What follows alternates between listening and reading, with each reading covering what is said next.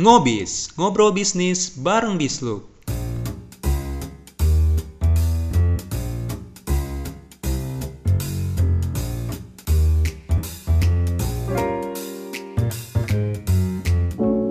Halo Sob, ketemu lagi di podcast Ngobis bareng gua Ikhwan Yusuf Maulana, Managing Director dari Bisluk.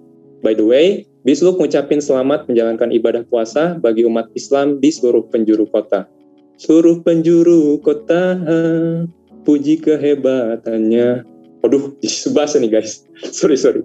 Oke, okay, so di kesempatan kali ini, di episode ketiga, tepatnya kita akan ngobrolin nih terkait seberapa penting sih influencer dalam marketing Udah hadir bersama gua di sini ada kakak cantik dan berbakat, Kak Michelle Utama, salah satu influencer Bisluk. Halo Kak. Halo. Halo, apa kabar Kak? Baik, baik. Apa kabar? Baik. Oke, mantap. Selalu sehat ya Kak ya? Iya. Sehat-sehat. Uh, ini Sob, uh, mungkin uh, anak zaman sekarang nih udah nggak asing ya sama yang namanya selebgram, youtuber, blogger, bahkan tiktokers nih yang sekarang lagi tren ya, yang bisa disebut juga biasanya juga sebagai influencer. Nggak jarang juga mereka buat konten-konten iklan, baik yang secara langsung kayak gitu atau secara tidak langsung nih, sampai kita nggak nyadar bahwa itu tuh konten iklan nih sebenarnya untuk mempromosikan suatu produk atau yang kita kenal dengan istilah endorsement ya. Nah, di sini kan udah hadir nih Kak Michelle sebagai influencer juga. Gue penasaran sih pengen nanya ke Kak Michelle. Apa sih Kak menurut Kakak arti influencer itu? Hmm, kalau menurut aku sih influencer itu ya literally artinya uh, itu ya kayak orang yang bisa memberikan pengaruh gitu ya. Tapi mungkin orang kalau dengar kayak oh influencer pasti selebgram pasti uh, apa pasti followersnya juta-jutaan apa segala macam. Yeah. Tapi menurut aku semua orang bisa jadi influencer sih. Maksudnya jadi influencer tuh orang yang bisa mempengaruhi uh, orang lain dengan caranya dia sendiri gitu loh. Kayak bisa mempengaruhi di suatu organisasi, bisa mempengaruhi untuk konsumen kayak macam-macam gitu. Jadi kayak youtuber, tiktoker, okay. instagramer kayak gitu-gitu. Jadi sebenarnya hmm. influencer nggak harus punya followers berjuta-juta ya kayak ya, untuk disebut influencer karena harus, uh, dari, uh, dari kata asalnya juga influence ya berarti kan mempengaruhi iya, dia ya. betul. ya ya orang yang bisa hmm. ngajak membawa pengaruh kayak gitu oke menuruti apa yang dikehendakinya ya misalkan mm -mm. saya minta suruh ini suruh itu berarti dia kalau diturutin perintahnya berarti dia termasuk influencer ya Iya, tapi maksudnya secara apa ya persuasif gitu ya gimana ya? Uh, hmm. Secara nggak langsung bikin orang kayak kayak kepengaruh gitu buat beli atau buat ikutin gerakannya dia atau ikutin apa pun yang dia lakuin gitu si influencer okay. ini kayak gitu. Ber berarti dia udah pasti punya daya tarik ya nggak sih kak untuk ya, bisa betul. itu kepada orang lain ya. Mm -mm. Oh Uh, kalau Kak Michelle sendiri udah jadi influencer sejak kapan nih Kak? Aku sebenarnya udah jadi influencer dulu awalnya part time ya, jadi cuma iseng-iseng aja gitu bantu-bantuin hmm. teman. Terus makin lama makin ada brand-brand tanyain yang UMKM UMKM gitu. Nah udah udah lama banget ya, udah kayak tiga empat tahun sih. Nah wow. uh, dua tahun akhir akhir-akhir ini dua tahun ini baru mau hmm. mulai jadi full time influencer kayak gitu. Oke. Iya, awalnya dari bantu-bantu sih. Awalnya dari bantu-bantu temen atau apa nih kak? Bantu-bantu teman gitu, bantu-bantu ya? promosiin. Ha Terus ternyata oh. followersnya nambah, terus banyak yang jadi makin kepo, terus jadi seneng sama konten-kontennya. Oh ya boleh nih cobain jadi full time. Oke. Okay. Gitu. Berarti kakak sebelumnya pekerjaannya apa nih kak? Atau aku ya, sebelumnya di perhotelan. Di aku kan kuliahnya hmm. hotel, jadi di hospitality industry lah. Aku dulu oh. kerjanya di uh, perhotelan gitu. Terus sekarang aku jadi model, part time model sama pengen hmm. jadi full time influencer gitu. Oke, mantap sekali guys. Kita doakan ya. Nih kita support juga Kak Michelle sebagai Amin. influencer. nah Kak, berarti memang dari awal itu tadi ya mencoba dulu mempromosikan usaha temen ya, nggak langsung Mm-mm. mendeklar bahwa nih gua nih atau aku nih influencer nih pakai jasaku nggak kayak gitu kan ya kayak berarti Enggak. orang juga kan melihat dulu ya kayak apa yang Eh, kita betul. sampaikan. Oke. Iya ini Berarti- eh, dapat dipercaya nggak nih reviewnya kan maksudnya nggak nggak semua orang bisa aja ada yang nggak honest review kayak gitu. Oh kalau dicoba ternyata bener, oh ya jadi kayak sebarin ke orang-orang jadi makin banyak yang nge-follow kayak gitu. Oke, sejauh ini respon dari klien-kliennya Kak Michelle ini gimana nih Kak? Tanggapannya? So- Eh, responnya oke sih, Eh, trafficnya jadi lebih banyak ya. Eh, terus aku juga suka kalau misalnya kliennya diminta fotoin insight-nya, maksudnya kayak eh, hasil kliknya berapa, data-datanya gitu, aku Hmm. suka kasih. Jadi so far sih nggak pernah ada yang komplain ya, kayak Oke. gitu. So far pada puas sama re- review aku. Mantap dah, percaya dah Michelle mah. Oke, nah terus Kak, eh, jadi yang jadi per nih mungkin bagi orang-orang juga yang belum pernah pakai jasa influencer itu adalah kenapa sih kita harus pakai layanan seorang influencer gitu? Nah kan ada banyak strategi kan ya di dalam pemasaran tuh ada bisa pakai advertising, iklan gitu ya. Ada juga Mm-mm. ini salah satunya pakai influencer dan memang itu adalah channel yang bisa dipilih salah satu atau salah dua atau semuanya juga oke ya kak ya. Tapi Mm-mm, kenapa benar. harus eh, salah satunya pakai strategi di influencer ini? Apa keunggulannya dibanding teknik yang lain nih kak? Mengisi kekosongan Hmm. terkait apa? Menurut aku sih pak kalau pakai influencer tuh lebih eh, jadi kalau influencer tuh biasanya followersnya lebih percaya ya sama em, si influencer ini. Jadi kalau ngelihat si influencer ini review terus reviewnya bagus, oh oke nih boleh nih. Jadi lebih ketertarikan dan kepercayaan terhadap suatu brandnya lebih ada gitu daripada kalau pakai ads. Ya mungkin itu bisa mendukung ya pakai ads kayak Hmm. gitu-gitu. Cuman kalau influencer biasanya nge-review lebih detail kan ya.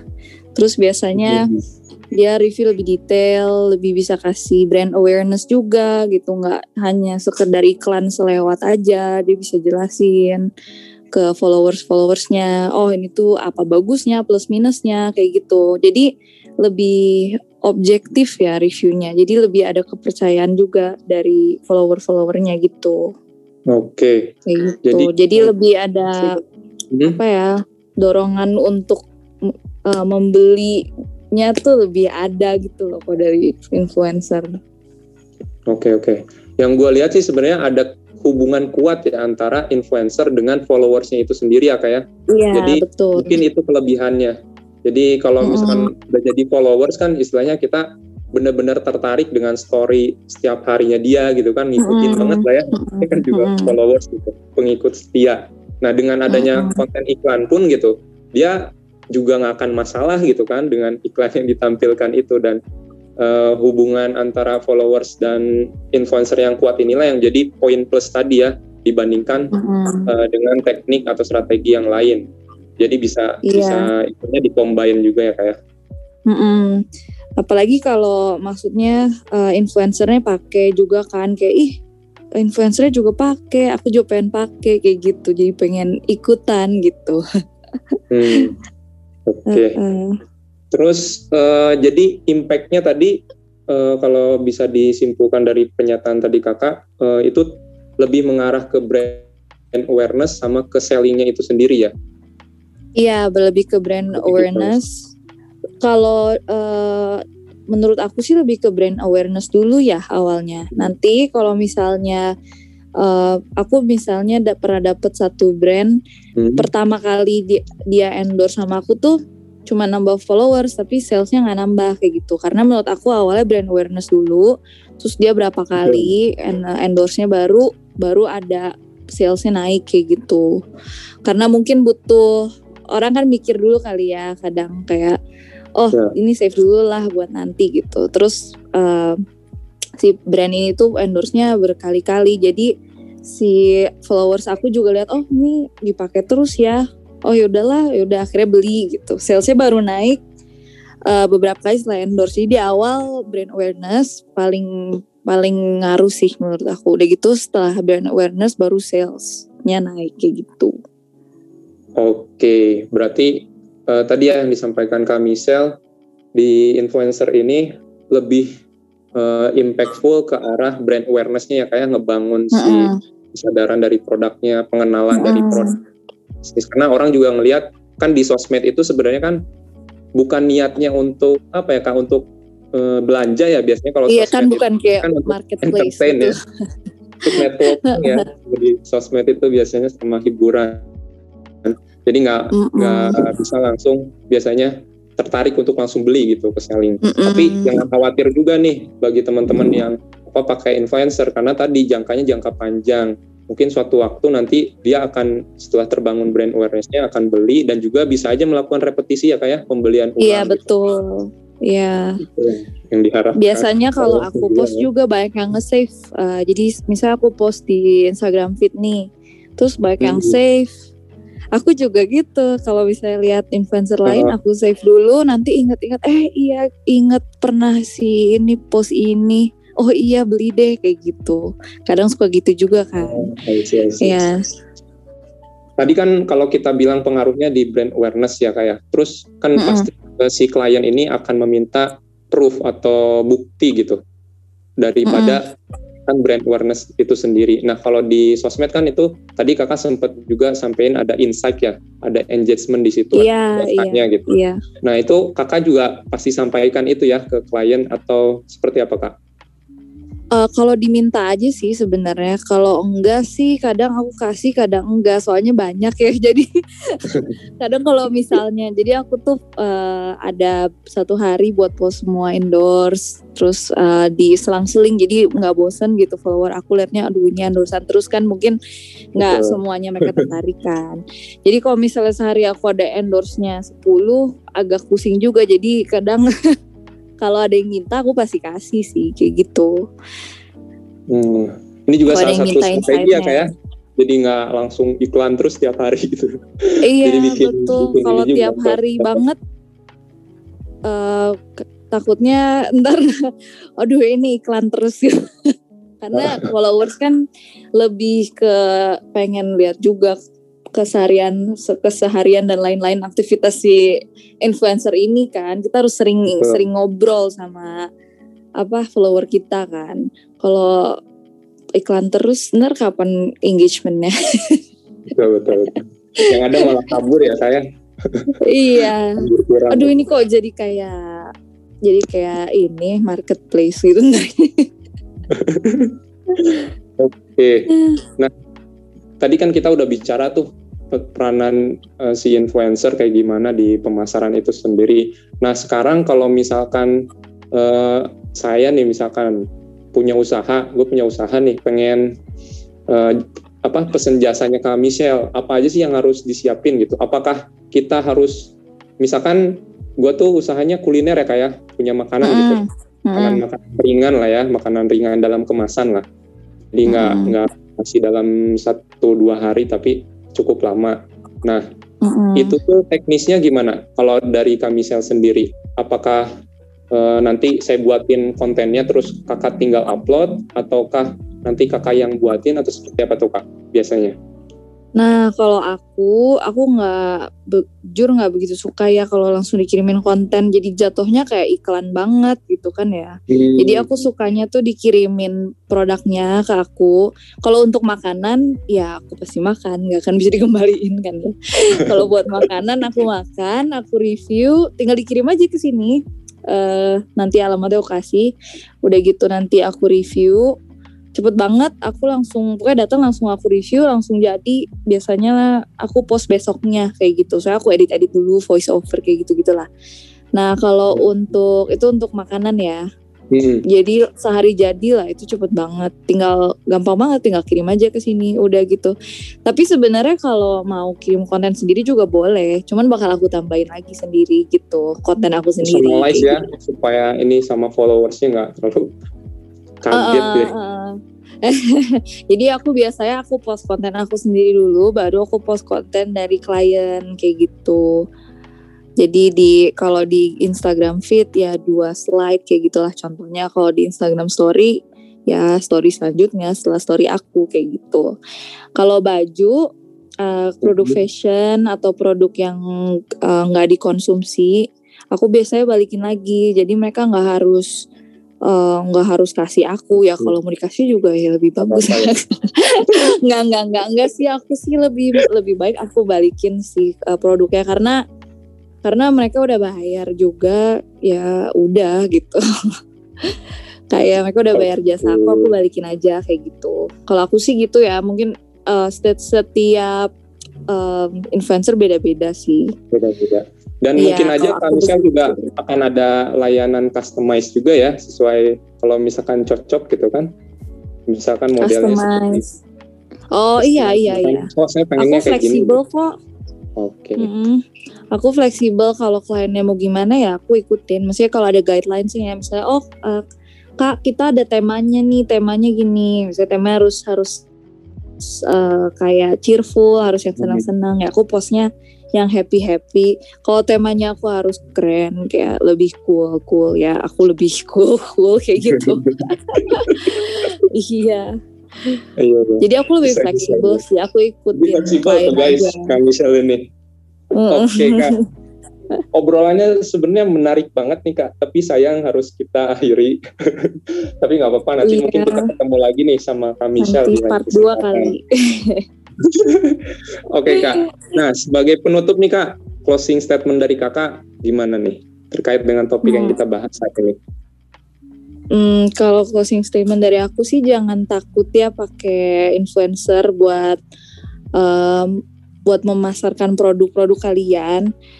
Hmm. Em, mungkin ada mungkin ada beberapa orang bilang oh influencer tuh nggak efektif karena itu salesnya nggak ada gini-gini. Tapi sebenarnya influencer itu sangat efektif untuk brand awareness kalian kayak begitu loh.